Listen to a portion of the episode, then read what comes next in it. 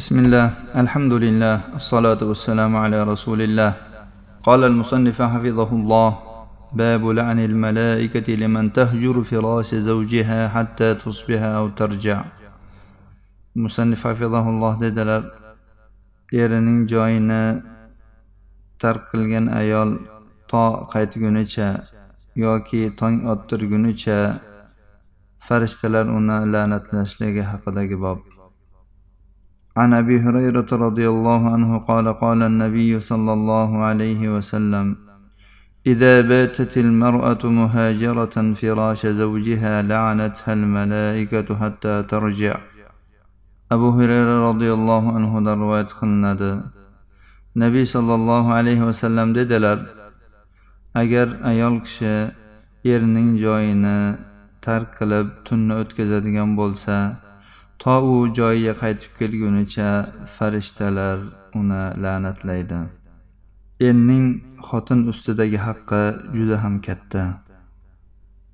Er xotin halol yo'l bilan shahvatlarni qondirishlari bu nikohning mashru bo'lishidagi eng katta omillardandir. Shuning uchun ham bu maqsadni bu g'oyani puchga chiqarish juda ham qattiq juda ham qabih ish sanaldi. Shuning uchun ham nabiy sollallohu alayhi vasallam erlariga itoat qilishdan bosh tortgan ayollarga qattiq vaidni qildilar. Bo'lib ham bu kechqurunda ya'ni erkaklar ayollarga yuzlanadigan va ular birga jamlanadigan paytda bo'ladigan bo'lsa. Bunday ayolni farishtalar to u ayol erining joyiga ya'ni to'shagiga qaytib kelgunicha la'natlashligi aytildi. Agar ayol joyiga qaytib kelmaydigan bo'lsa farishtalar uni to tong otgunicha la'natlab turar ekanlar. Bu ma'nodagi hadislar juda ham ko'p vorid bo'lgan har xil lafzlar bilan kelgan. Shulardan biri rasululloh sollallohu alayhi vasallam dedilar agar kishi ayolini to'shagiga chaqiradigan bo'lsa va u bo'yin tovlasa eri undan g'azablanib achchiqlanib yotadigan bo'lsa farishtalar bu ayolni to tong otgunicha la'natlaydilar. Bu lafzni ham imom buxoriy rivoyat qilganlar. Hadisimiz ya'ni bobimizning hadisini ham imom buxoriy rivoyat qilgandilar. Yana boshqa bir hadisda aytdilarki sollallohu alayhi vasallam jonim qo'lda bo'lgan zotga qasamki qay bir erkak o'z ayolini joyiga chaqiradigan bo'lsa u bo'yin tovlasa osmondagi zot unga g'azab qiladi toki eri undan rozi bo'lguncha. Eri undan rozi bo'lsa shundagina alloh taolo ham undan g'azablanishni to'xtatadi.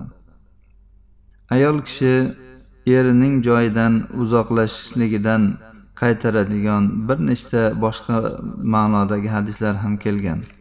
Shulardan biri rasululloh sollallohu alayhi vasallam aytdilarki ikki toifa odamlar borki ularning namozlari boshlaridan yuqoriga ko'tarilmaydi.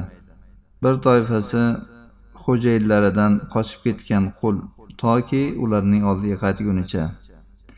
Eriga itoatsizlik qilgan ayol toki itoatga qaytgunicha. Yana bir hadisda rasululloh sollallohu alayhi vasallam dedilarki uch toifa odamlarning namozlari quloqlaridan o'tmaydi. Qochgan qo'l to egasiga qaytgunicha. Eri undan achchiqlanib tunagan ayol va ularni qavmi yomon ko'rgan imom. Yana bir hadisda aytdilarki uch toifa odamning namozlari boshlaridan bir qarich ham yuqoriga ko'tarilmaydi. Bir odamiki bir qavmga imomlik qilgan ular uni yomon ko'rishardi.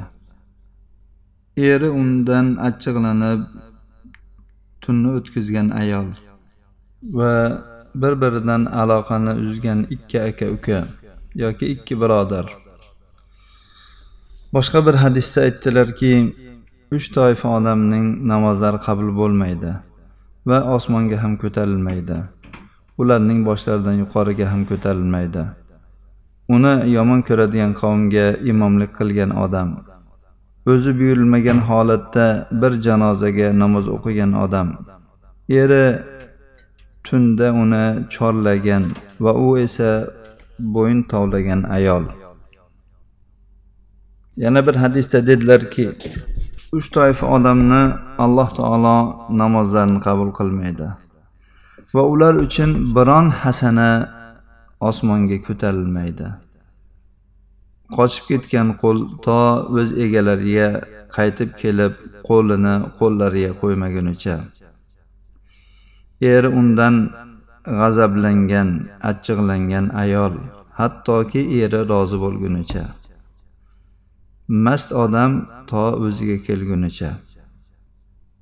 Mazkur hadislarda ayol kishi erining joyini tark qilishi va bir shar'iy uzrsiz bo'yin tovlash haqida juda ham qattiq vaidlar keldi.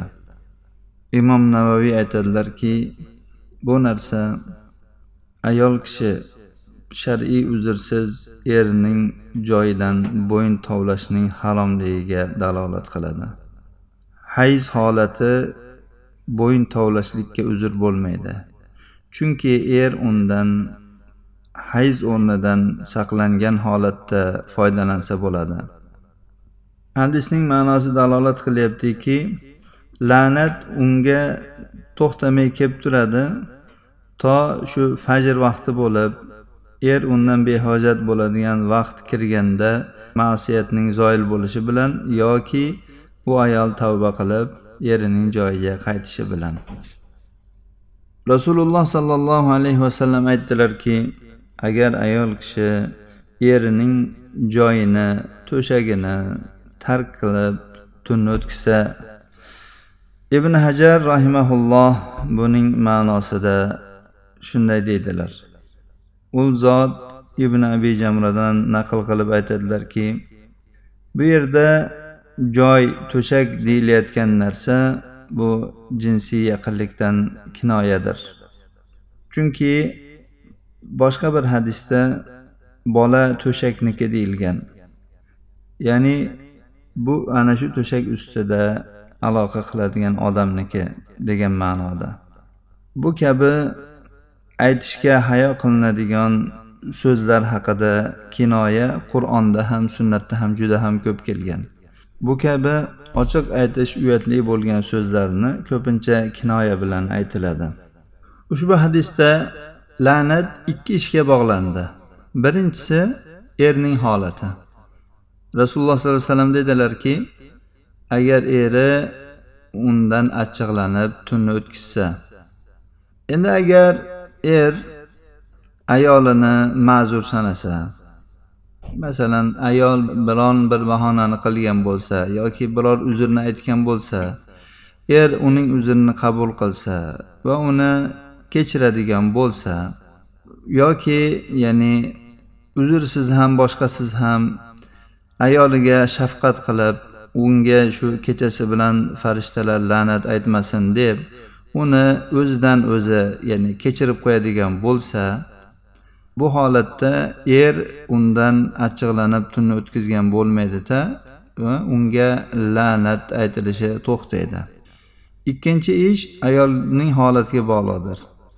U zot aytdilarki sollallohu alayhi vasallam toki qaytgunicha ya'ni erining joyiga qaytgunicha boshqa bir rivoyatda hatto tong ottirguncha dedilar. Agar ayol kishi bu gunohidan tiyilib joyiga qaytadigan bo'lsa ana shu qaytishi bilan farishtalarning la'nati to'xtaydi. Agar u ayol aytganida turib oladigan bo'lsa farishtalar uni kechasi bilan la'natlab chiqadilar. Bu holatlar ochiq oydin ayol kishining shu erining joyini tark qilishi haqida edi. Endi shunday bir holatlar ham ko'rinishlar ham bo'ladiki bu maxfiy joyni tark qilishdir. Bu ayollardan sodir bo'ladi. Ko'pincha buni erkaklar bilmaydi anglab yetisholmaydi ayol eri bilan bir to'shakda yotgan bo'lsa ham u o'zini kasalga solib men hozir shunga toqatim yo'q deydi. Yoki hozir bu menga juda ham bir og'ir keladi degan bir bahonani qilishi mumkin. Yo bo'lmasam uzr holatim kelyapti deydi. Yoki uzrli holatda bo'lsa hali u masalan g'usul qilib poklanib bo'lgan bo'lsa ham hali uzrli holatim tugamadi degan ba'zi bir bahonalarni qilishadi. Ularni maqsadi shu erni shu talabiga javob bermaslik. Modomiki ular shu ishni qilishayotgan bo'lsa alloh taolo ham farishtalar ham buni bilib turishadi. Ularga ana shu yerni joyini tark qilganlik haqidagi vaid ular ustiga sodir bo'laveradi. Ya'ni ular shunday bahonalarni qilgan bo'lsa ham er undan ha mayli e, shunday ekan desa ham lekin haqiqat u bo'lmaganligi uchun ularga la'nat yog'ilaveradi. Ayol kishi qo'lidan kelganicha erini rozi qilishga harakat qilish kerak. Chunki erini rozi qilishi u uchun dunyoda ham oxiratda ham foydalidir. U dunyoda eri bilan saodatli yashasa oxiratda jannatga kiradi. Ya'ni kengligi yeru osmonlarcha bo'lgan jannatga kirishiga sabab bo'ladi. Bunga rasululloh sollallohu alayhi vasallamning ushbu hadislari dalolat qiladi. Aytdilarki agar ayol kishi besh vaqt namozni o'qisa ramazon ro'zasini tutsa va farjini saqlasa eriga itoat qilsa unga jannat eshiklaridan xohlaganingdan kir deb aytiladi. Imom ahmad rivoyatlari sahih hadis. Yana bir hadisda aytdilarki qay bir ayol vafot etadigan bo'lsa eri undan rozi bo'ladigan bo'lsa u ayol albatta jannatga kiradi. Demak erning roziligi ayol kishi uchun juda ham muhimdir. Husayn ibn muhsanning ammalari aytadilarki men nabiy sollallohu alayhi vasallamning huzurlariga ba'zi bir hojatlarim uchun keldim. Shunda u zot aytdilarki sen qanday ayolsan? Ya'ni kuyoving bormi turmushlimisan dedilar. Men ha deb javob berdim. Shunda ya'ni eringga qanday muomaladasan deb so'radilar. Men qo'limdan kelgancha yaxshilik qilaman dedim. U zot aytdilarki sen eringga qanday muomalada bo'layotganingga qaragin. U sening jannating va do'zaxingdir dedilar. Ya'ni sen o'shanga qanday muomalada bo'lsang yaxshi bo'lsang jannatga kirasan yomon muomalada bo'lsang do'zaxga kirasan degan ma'noda aytdilar. Biz ushbu hadisdan quyidagi foydalarni va ahkomlarni olishimiz mumkin. Birinchisi farishtalarning duosi maqbuldir. Ya'ni ular la'natlaydi va albatta u duo maqbul la'nat yetadi. Ikkinchisi er kishining jinsiy muoshiratga bo'lgan rag'bati ayol kishinikidan ko'ra kuchliroq. Buni er ayolini chorlashligidan foyda qilib olindi. Uchinchisi ochiq aytish ya'ni uyatli bo'lgan so'zlarni kinoya bilan aytiladi. Yuqorida faqat to'shak joy deb aytildi bundan hammasidan maqsad nima edi? Jinsiy aloqa edi. Jinsiy aloqa uchun tun munosibroqdir. Va kunduzdan ko'ra masturroqdir. Joyni erga nisbat berilishi. Foydalardan yana biri er va ayol uchun alohida alohida joy bo'lishi yaxshi emas balki ular bir joyda yotishlari kerak bo'ladi. Bu foydani shu hadisning asl ma'nosidan olindiki ayol kishi shu erini joyini tark qilib boshqa joyga borib e, yotgan bo'ladi. Shuning uchun bir joyda yotishlari marg'ubdir va mustahabdir. Foydalardan yana biri bir joyda yotsalaru lekin jinsiy muosharatga chaqirgan paytda bo'yin tovlashi bu ko'rinishda ya'ni joyni tark qilish bo'lmasa ham haqiqatda bu joyni tark qilish ma'nosidadir. Ya'ni bir joyda yotib bo'yin tovlagan ayolga ana shu la'nat bo'laveradi. Foydalardan yana biri.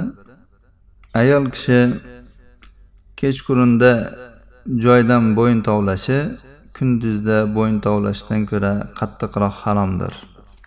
Alloh subhanava taolo barcha musulmon ayollarni o'zlarining jannatlari va do'zaxlari bo'lgan erlariga chiroyli itoat qilib ularni o'zlari uchun jannat qilishlarini nasib aylasin. هذا وصلى اللهم على نبينا محمد وعلى آله وصحبه وسلم.